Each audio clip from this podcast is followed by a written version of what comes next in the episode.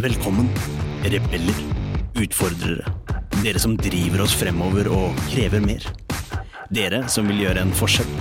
Skape magiske arbeidsplasser med lykkelige mennesker som skaper produkter som kunden deres elsker. Men 75% av nordmenn føler lite eller ingen engasjement i jobben sin. 94% av ledere sier jo at smidighet og samarbeid er kritiske faktorer for at deres organisasjon skal lykkes men kun 6% av dem mener selv at de er smidige. Dette er podden som vil inspirere, gi deg konkrete tips og verktøy som vil hjelpe deg med å skape endringsdyktige organisasjoner med høyt engasjerte og motiverte ansatte som lager uslåelige produkter. Med smidig-coachen, kurs- og foredragsholderen Ida Kjær ved sin side har hun kurs- og foredragsholderen, smidigtransformatøren og topplederen Tobias Falkberger. Sammen har de over 20 års erfaring med å jobbe i og lede smidige team og organisasjoner. Nå kjører vi! Velkommen til årets første episode av Smidpodden. Hva er egentlig beste tilnærming til målstyring i smidige organisasjoner? Dette har vi samlet et erfarent ekspertpanel for å diskutere. Dette er del to av episoden, og del én får du hos OKR-poden. Og har du enda ikke hørt den, så anbefaler jeg deg å høre den først. Gjestene våre i denne episoden er Harald Kjølner. Han er Smidepoddens erklærte OKR-guru og fagleder for målstyring i TV 2. Vidar Mo, Agile Application Developer og arkitekt i Sparebank1 Utvikling. Han er ikke redd for å gå ned i grøten, og er fantastisk god på å omsette OKR fra teori til praktiske verktøy som fungerer i hverdagen. Så har vi Jerome Frank Setevold. Han er CEO i Riks-TV, og basert på all informasjon jeg har, så er han kanskje en av de aller beste topplederne i Norge. Vi har også med oss Vegard Kolbjørnsrud, professor på BI, og han er ikke redd for å utfordre og snakke om frihet, fellesskap og teknologi, alt backet opp av fersk forskning. Og sist, men ikke minst, har vi OKR-podden sin egen Kim Leinan, som er CEO og OKR-resultatcoach hos Futureworks, som hver eneste dag hjelper selskaper med sin OKR-reise. Før vi hopper inn i episoden, så må jeg få takket våre fem helt nye Smidigpodden-medlemmer på Buy Me Coffee. Dette er Nina, Sondre, Kristoffer, Elin og Gisle. Det er dere som er en del av Smidigpodden-fellesskapet, sammen med Sparebank1 Utvikling, som gjør Smidigpodden mulig. Tusen, tusen takk. Og kanskje du kjenner på frosten av utenforskapet? I så fall er det bare å følge i disse ikke enda da, så dype fotsporene, og bli en del av fellesskapet vårt for å få tilgang på episoder før alle andre og masse annet snacks. Og med det så er det jo også på sin plass å takke vår hovedsponsor for denne sesongen, nettopp Sparebank1 Utvikling, for at dere sponser oss. De jobber hver eneste dag med å lage Norges beste digitale løsninger for deres 1,2 millioner kunder. Målet deres er å være en meningsfull arbeidsplass for sine ansatte, hvor det er stor grad av eierskap, autonomi og faglig utvikling. Og nå del to av Ekspertpaneldiskusjonen. Vi har snakket veldig mye om um, si, OKR og mål og styring på selskapsnivå. Vi har vært litt inne på team. Um, men hva tenker dere om uh, OKR-er på individnivå? Kim? I Ja, i eh, statene og de landene der, ja. Eh, fordi der har du kanskje jeg, jeg tror at har du en organisasjon med høy grad av tillit, eh, så trenger du ikke OKR-er på individnivå i det hele tatt. Da er det mer basert på teamene og få det felles innsatsen fra teamet. Eh, er det lav grad av tillit, så tror jeg du kan få høyere, høyere, bruk for OKR, for da må du styre det mer. Men i Norge så tror jeg ikke det er kultur for individuelle OKR-er. Ja. Min mening. Vi, eh, jeg har ikke reflektert over det før eh, du spurte nå, men jeg merker at vi jobber veldig mye hos oss med å øke samarbeidet. Få samarbeidet mm. i teamet Det blir bli bedre og bedre. Mm. Eh, vi har til og med, Det står i verdigrunnlaget vårt 'bedre mm. sammen' etter heter det. Um, og det blir problematisk, mm. tror jeg, eh, hvis vi skulle ha begynt å lefle med individuelle OKR-er. Jeg tror vi må ha det på det teamnivået. Mm.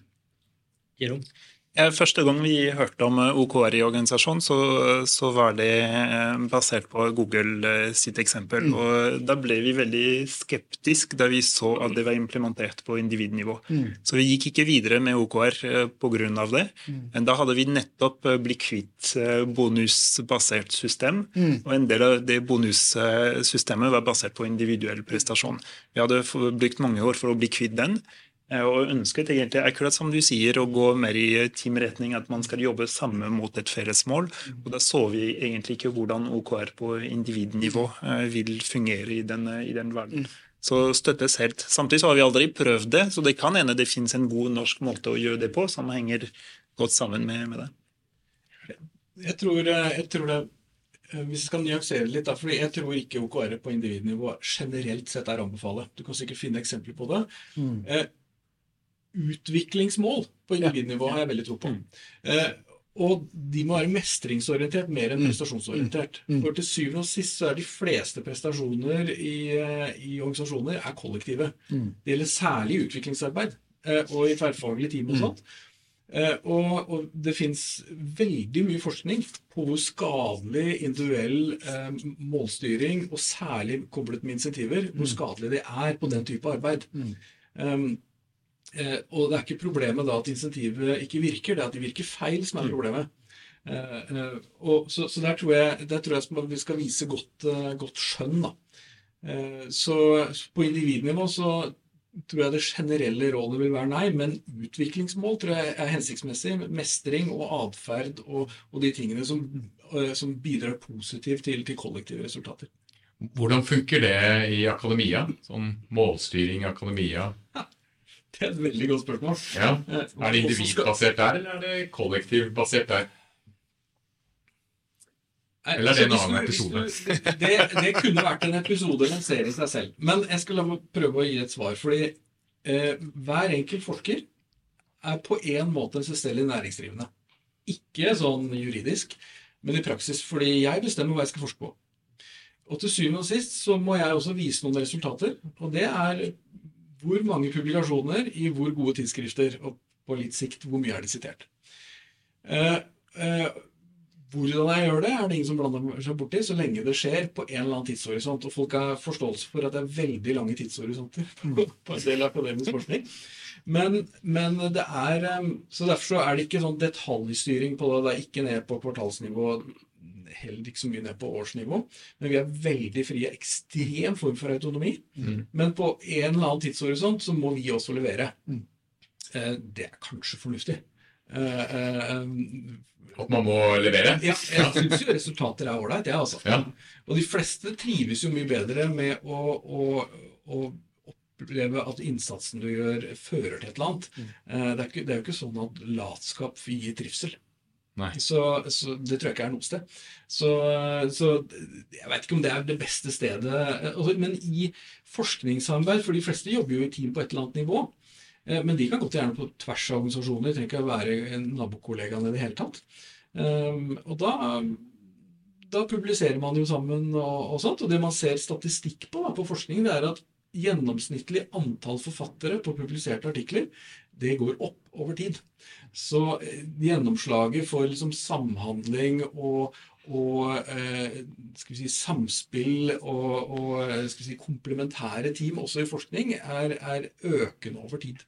Over tid i din egen karriere, eller over tid som at jeg si, klokka går frem? Nå mener jeg totalt sett, hvis du ser på all forskning, eh, så er det det. Ja. Eh, Og så er det antageligvis også sånn for den individuelle karrieren, fordi, fordi man produserer mer, og man har mer forutsigbarhet, og man kan også få mer nytte av sine egne spisskompetanse hvis du kombinerer det med andres. Ikke sant? Du, du nevnte før vi, snakket, eller før vi begynte dette med open source forskningsarbeid. Mm. Eh, mitt inntrykk av akademia er at eh, av alle de organisasjons...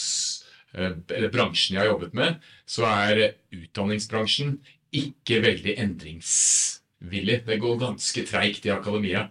Er, hvorfor er det sånn? Og hva kan gjøres for å liksom bedre det, i og med at alt annet endrer seg så fort? Hvorfor endrer akademia seg så treigt, eller er det feil Ja, og, det, eh, og det er jo kommer an på på hvilket nivå, da. På hva slags endring. For det er sånn institusjonelt så går det ekstremt sakte. Ja. Men hver enkelt forsker kan gjøre hva de vil. Ja. Så, hvis, hvis vi, altså, så, så det er jo mye av innovasjonen i samfunnet som kommer fra ny forskning. Ja. Eh, Så det er liksom en, det er litt sånn både og der. Ehm, når det gjelder liksom skifte i, vitenskapelige paradigmer og sånt, og da er vi på kuen og liksom sånn her, eh, så, så er jo en liksom tommefingerregel er at eh, du får et nytt paradigme når, når de folka som målbar det gamle, dør. Ikke sant? Altså, og så er det liksom konkurrerende på et, på et visst nivå her før det, liksom, det er sånn, sånn det skjer. Så da, da går det ikke unna. Men, men jeg tror egentlig så er den vitenskapelige metode veldig egnet til å håndtere endring. Eh, Men de institusjonelle strukturene skaper også handlingsrom, da, fordi, at, eh, fordi du i utgangspunktet ikke kan si opp en, eh, en fulltidsfaglig eh, fordi de forsker feil eller finner ut feil ting eller mener noe som er gærent, eller sånt, så skaper du et rom hvor, hvor du dyrker variasjon. Da. Mm. Og variasjon her er jo effektivt i form av at du da får da flere nye ideer. Um, men, men det er jo ikke den mest effektive måten å få produktivitet på. For da må du jo, fordi variasjonen går på bekostning av det. Men det er jo liksom et variasjonsmaksimerende setting. Da. Interessant. Harald? Ja, det var litt på individuelle mål, egentlig. Jeg kan bare kommentere det kort. I TV 2 så er det fire grunner til at vi driver med målstyring. egentlig. Eh, Det ene er å samle organisasjonen rundt noen få ting å prioritere. Så er det samarbeid, som er nevnt. Så er det å skape engasjement i eh, hvordan vi både formulerer målene våre og følger dem opp. Og autonomi og ansvar og, og dualiteten der, da. Eh, Og ingenting av det blir boosta av individuelle mål. Tvert imot. Eh, og jeg er enig i at det er liksom amerikansk kultur på det. Så vil jeg si det med utviklingsmål uh, kontra indi indi altså individuelle utviklingsmål, kjempebra. Og sånn vi i hvert fall i TV 2 ruller ut målene og får det til å henge sammen i en rød tråd, så, så ser du hele tiden til overordna uh, målene eh, teamet ditt har, og spør deg selv hvordan kan vi bidra til det. Jeg mener at De utviklingsmålene skal ikke være se på teamets mål og hvordan er det jeg som skal være ansvarlig for å levere på det, men heller hva er det som er viktig for meg personlig. Da. Er helt enig, frikoble det totalt. Hadde du noe på det òg, Kim? Nei, jeg eh, støtter Harald helt til det. Mm. Uh, og det som er sagt i forhold til utviklingsmål. Eh, når man sitter og hører på dere, så høres det ut som at kanskje det er, det, er liksom, det er veldig bra, det er kanskje til og med nesten litt, nesten litt enkelt.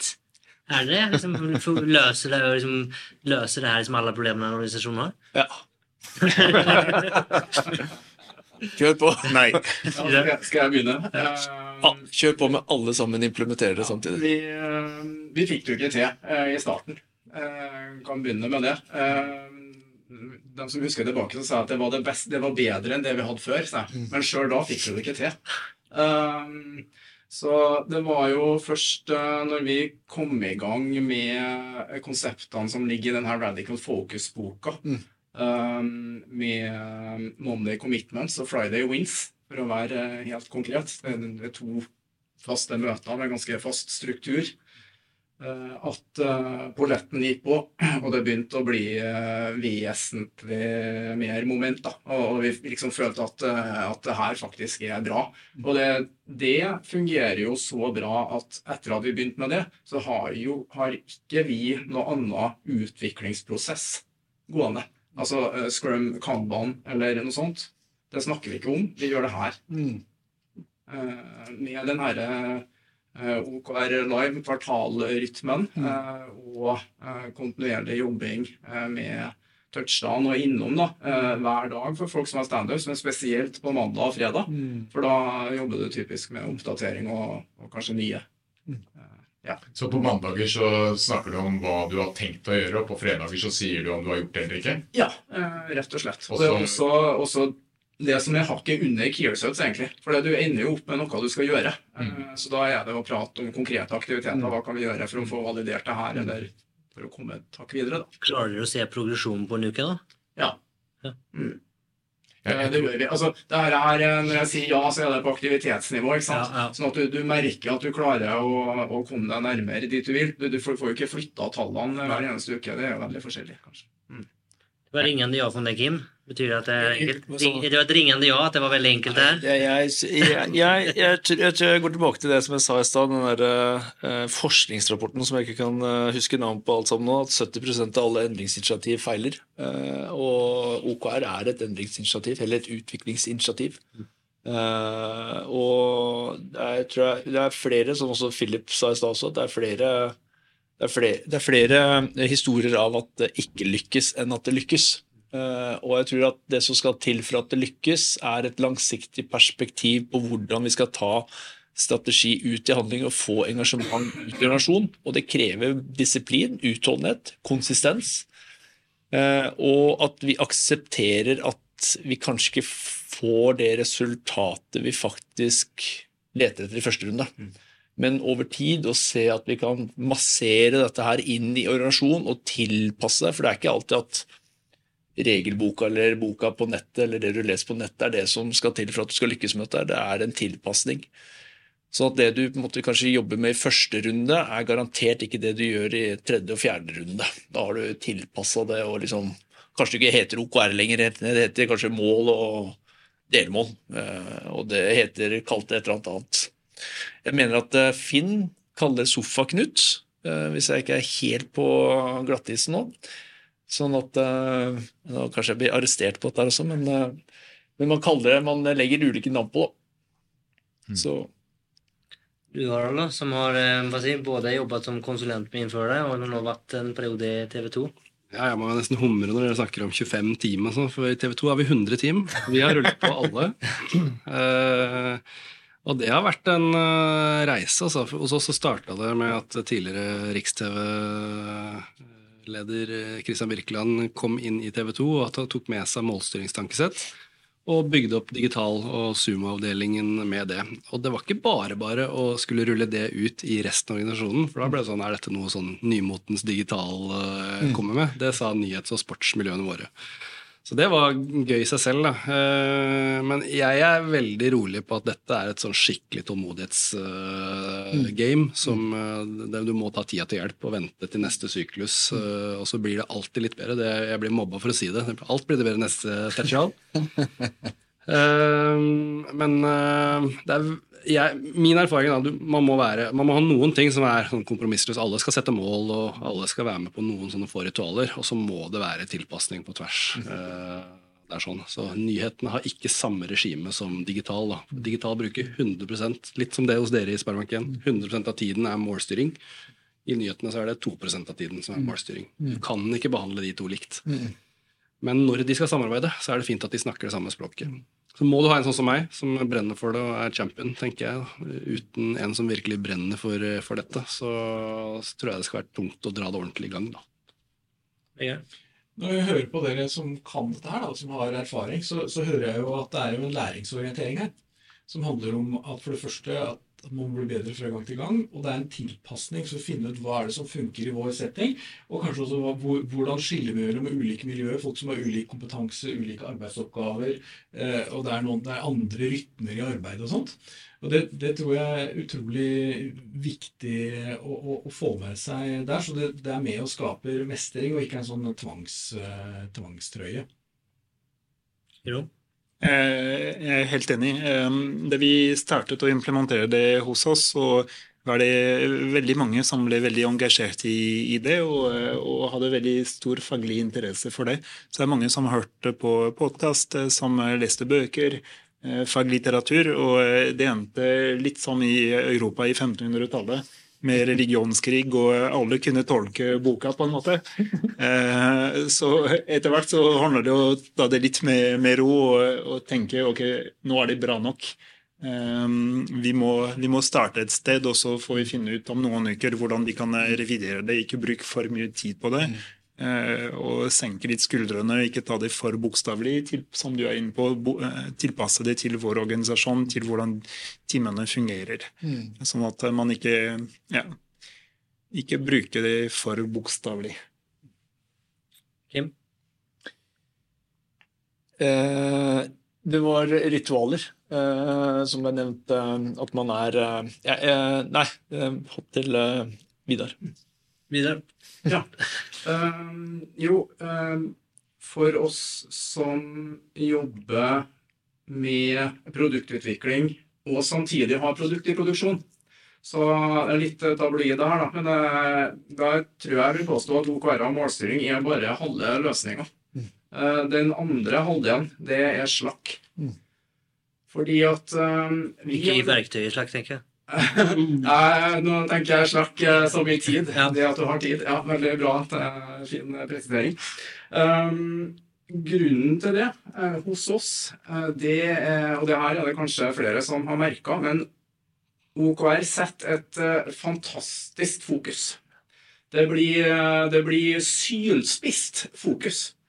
Og hvis du har eh, fått opp eh, Si du har eh, i teamet ditt lagd deg tre objectives da, som du skal jobbe med i kvartalet, som alle syns er skikkelig bra, da, da er det full guffe, full fokus. Og det Da har du satt deg opp for katastrofe, faktisk. Fordi at i og med at vi har produkt i produksjon, så er det klart at Og teamene våre eh, er jo ansvarlig for de her produktene som er i produksjon. Så her eh, skal det både fikses sikkerhetsoppgraderinger, det skal fikses regulatoriske endringer som plutselig bare kommer. Det, det vet du ikke. Eh, ting, eh, det, det bare dukker opp ting. Du må hjelpe andre. Plutselig er det noen andre som, du trenger, som trenger bistand fra deg. Hvis du ikke har tatt høyde for all denne, eh, alle de her oppgavene eh, som du vet kommer, du vet ikke bare akkurat når og, og hvordan, så, så havner du trolig inn i den 70 eh, som du prata om, for da merker du at det her virker jo ikke. Så hos oss så er det bare eh, omtrent 50 av tida, tenker jeg. Så det er en ca. 50-50-fordeling. Så 50 går til å fokusere på de Ja. tre tingene, Ja, og og 50 50% er kall det daglig. Ja. hygienefaktorer, Ja. endringer Det her er selvfølgelig pluss-minus 60-40, 40-60, men sånn Ja. cirka. Ja. Er det noen som kjenner igjen seg i det? At man liksom får for bra fokus, rett og slett? Men men blir det da, blir det da at de 50% har OKR, og de andre har ikke OKR? Er det det du sier da, eller hva? Ja, Ja. i praksis så sier jeg det. Ja. Eh, Så det, den, den andre 50 i og med at det er en helt annen type oppgaver, så følger vi opp det på en litt annen måte. Men vi har bare satt av tida. Ja, Ja. bra. Jeg måtte bare prøve. Ja, Ja, er enig. Hva er det de jobber med da, de teamene der da? Hva jobber, hvordan er det de Hvordan, er det hvordan de gjør det i praksis. Ja, men nei, men sånn, Jobber de med formålet sitt i teamet sitt, eller hvordan er det de Nei, altså det, det her, her er jo det samme teamet. Uh, Det er Ja. veldig viktig at du både gjør eh, produktutvikling Yes. og forvaltning Yes. på, på ditt eget produkt, på en måte. Mm. Så det her er den samme gjengen. Ja. Så bytter den bare litt på. Om det er to dager med det ene og to dager med det andre, eller sånn, det, det er veldig fleksibelt. Det er slakk som er liksom hovedpoenget. At eh, poenget. når ting endrer seg fort, så må du sette av tid til å Det, du må ha planlagt slakk. Ja.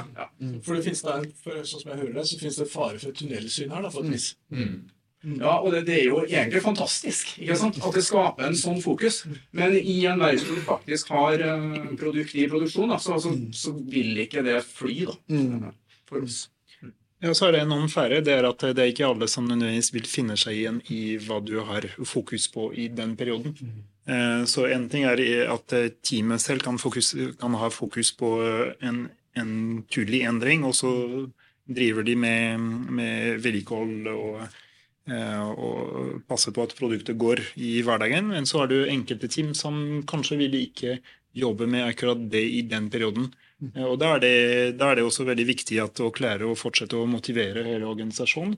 eh, Og at eh, alle de, de teamene også har mål å jobbe ut ifra, som du var inne på, formål, kanskje. Og Der tenker jeg at eh, hele grunnlaget for, for autonome team ligger da. Fordi skal du ha selvstendige team, reelt selvstendig, så må de jobbe med selvstendige problemer som er uavhengig av alle andre problemer i virksomheten. Mm. Og Det er jo derfor vi er en organisasjon, fordi problemene våre henger sammen. ikke sant, de tingene vi jobber med. Så Derfor er det jo noen avhengigheter. så Hvis, hvis, hvis den blir for lokal, da, det fokuset, så, så slår det ut på mulige samordning og synergien, og man lager friksjon og ventetid for andre og, mm. og sånt. Og jeg tror også at eh, når vi snakker om Her er det jo folk som heier på målstyring, de driver med det, ser at det virker, ikke sant. Så men det, den andre siden av saken er jo at det fins veldig mange eksempler og mye forskning på hvor, hvor gærent det kan gå. Da, ikke sant? Og boken eh, eh, Hva er det for noe? Eh, eh, The Terror of, uh, of, of Metrics, eller hva det er for noe. ikke sant? Og, så, og da er jo spørsmålet hva skal vi styre på? Hvordan skal vi styre, og hvem skal gjøre det? Og veldig ofte så handler det Resultatet tror jeg handler mye om hvem og hvordan, altså måten ting skjer på. Eh, fordi de samme mekanismene kan virke fremmedgjørende og, og som en tvangstrøye. Og de kan virke frigjørende og være liksom, Det avhenger helt av hvordan det gjøres. Og, det tror jeg, det er det jeg hører litt rundt her også. Det er å finne ut det der, sånn at du får det som, som Harald mener, da, at det faktisk er inspirerende og motiverende. Um, eh, og, og jeg jobber jo en del mot helsesektoren og, og ser jo hvordan en del av styrings- og, og insentivsystemene der uh, har, har i hvert fall en god del eksempler på at det virker motsatt. da. Eh, eh, så man skal liksom ha litt edruelighet på, på at det er ikke dra mest mulig alle spakene her. Det er å finne den passe miksen. Mm. Jeg har bare en kommentar til det med slakk, men fra motsatt bilde. For spesielt når du kommer ut i utenfor utviklingsmiljøet, så har man jo består jo hverdagen av å holde hjula i gang, holde lysa på og, og drive forretningen. Og da er det ofte motsatt, da, at du aldri har tid til å gjøre noe forbedring, og, og du slukes av hverdagen. Og da tenker jeg det er en leders oppgave å tenke motsatt. Hvordan kan jeg investere i eller sørge for at teamet mitt har litt tanker om hvor skal vi være i framtida også. Så det blir motstykket da, til, til, å ha slakk til og gjøre drift. Mm. Okay, nei.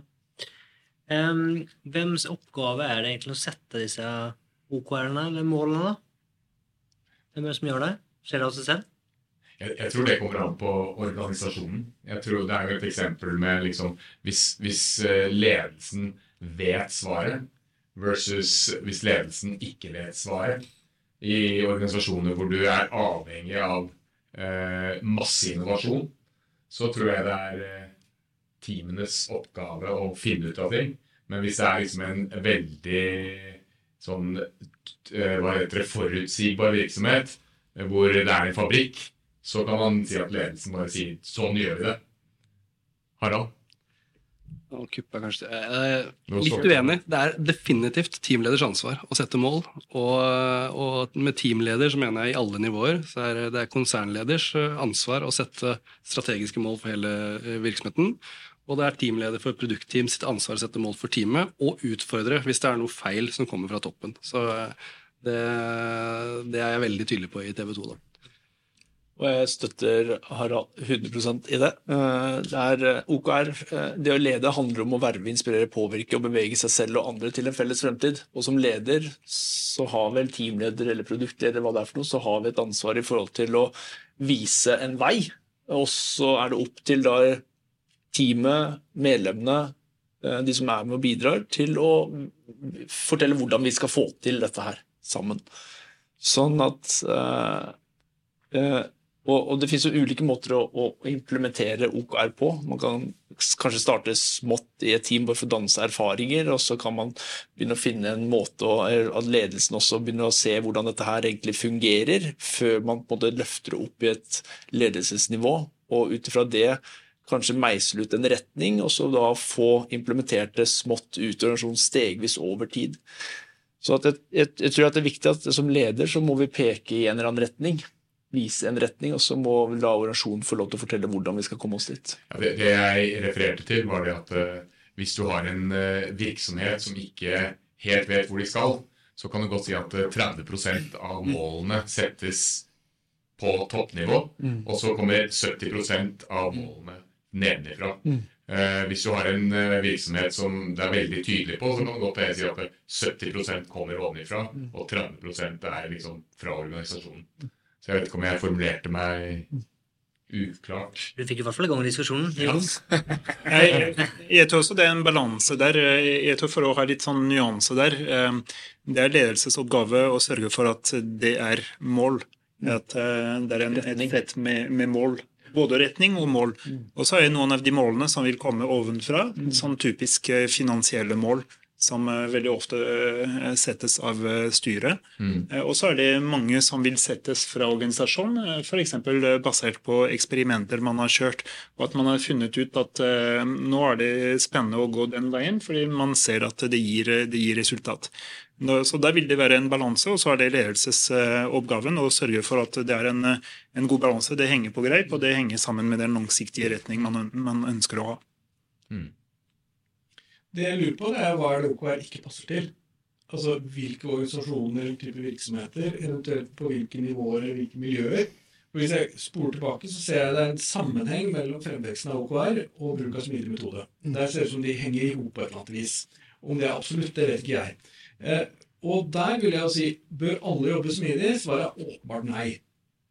Eh, vil du at de som jobber på McDonald's-restauranten i nabolaget, skal jobbe smidig? Nei, det skal ikke være variasjon på McDonald's. Den skal ligne, altså Big Mac-en skal være den samme på alle. ikke sant? Så da har du, da har du litt styring på prosess, så du får eksakt samme resultat hver gang. Mm. Og det er hensiktsmessig, og det bør de gjøre, og det gjør de faktisk ganske bra. da, i av hva slags kriterier du har.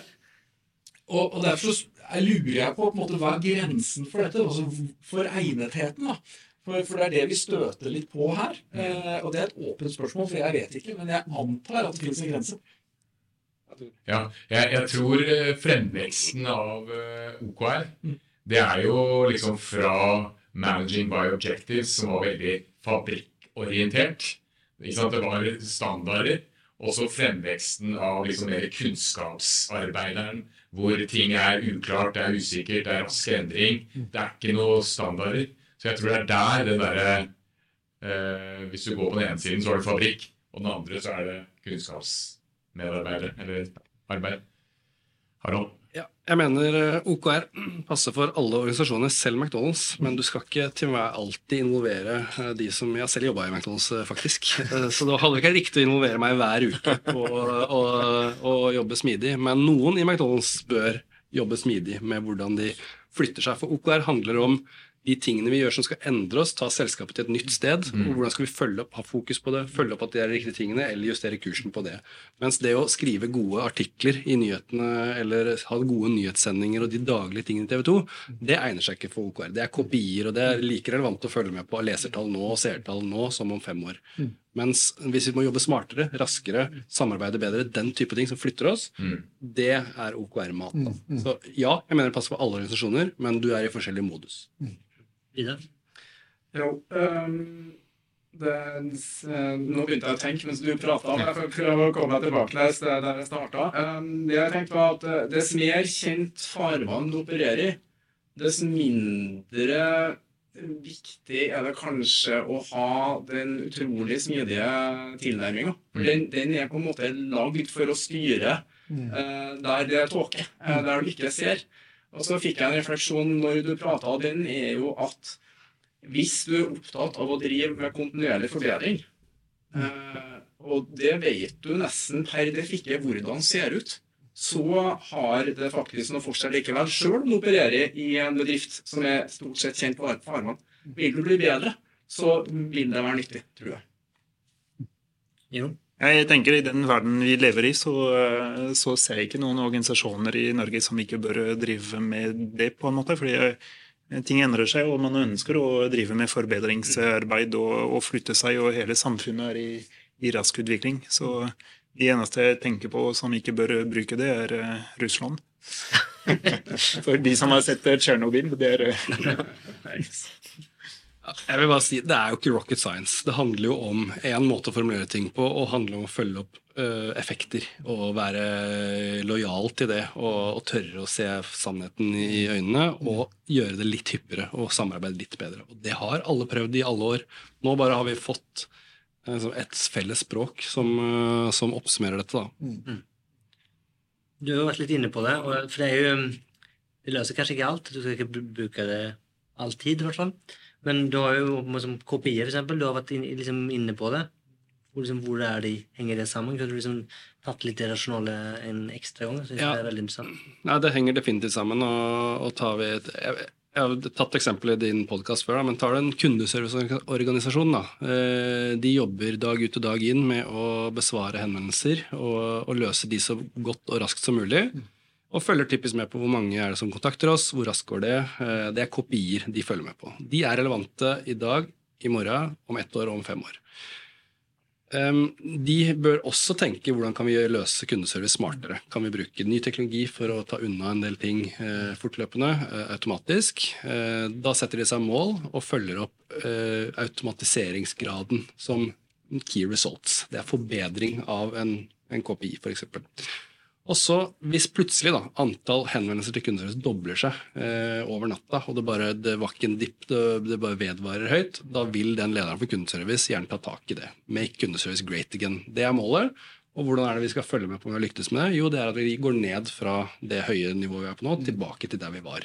Når vi har lyktes med det, da er vi i mål. Da går den tilbake til å bli KPI. Det er sammenhengen der sånn, da, måten du kan bruke eh, KPI-er og utvikle den til en kilde til mål du tar tak i. En kort periode, flytter oss, ferdig, går videre til noe annet. Philip, vi ser på klokka. Det, er tiden eh, renner i vei når man har det gøy og har flinke folk på podkast. Har du noe, begynner du inne med noen siste spørsmål som du har lyst til å brenne av før vi takker gjestene våre? Jeg, jeg likte jo det rundkjøringeksempelet. Eh, men eh, du nevnte også dette, Vi har jo også snakket om dette med transparens. Og dette kan hende at dette blir et eh, stort spørsmål som passer til en annen episode. Men, men hvor transparente er norske virksomheter? Og hvor, hvor viktig er det? Det kan hende at dette er en annen episode, men det var det jeg blant annet med i hvert fall. Mitt inntrykk er at de fleste opererer etter sånn gammel agentfilmgreie og no need to know basis. Ja. Eh, og eh, hvis det er helt forutsigbart, så kan det kanskje funke, men det er veldig sjelden. Og det betyr at det er masse folk som trenger å vite, som ikke vet. Så jeg tenker snu på det, gjør åpenhet til standard og hemmelighold som unntaket. Det er eh, mitt korte svar. Det syns jeg var en fantastisk konklusjon. Ja. Eh, det syns jeg egentlig alle vi skal jobbe mer for, på alle nivåer i samfunnet. Så med det så tenker jeg vi runder av episoden og sier takk så hemskt mye alle sammen for at dere har lyst til å bruke en kveld på Riks-TV-kontoret med å spille inn podkast. Det har vært en eh, frøyd. Jeg håper dere som har lytta, syns at det har vært like bra som vi har gjort. Så med det så sier vi ha det bra. Ha det! Ha det. Jeg vil bare minne deg om Smidigpodden-fellesskapet. Kanskje har du lyst på eksklusiv tilgang til foredrag, kurs og masse masse mer. Eller kanskje du bare liker denne episoden spesielt godt. Eller kanskje du bare syns Smidigpodden er som lommen i egget eller rosin i pølsa om du vil, og vil vise at du setter pris på oss. Da må du gå inn på smidigpodden.no skråstrek en kaffe for å bli en del av Smidigpodden-fellesskapet. Håper å se deg der.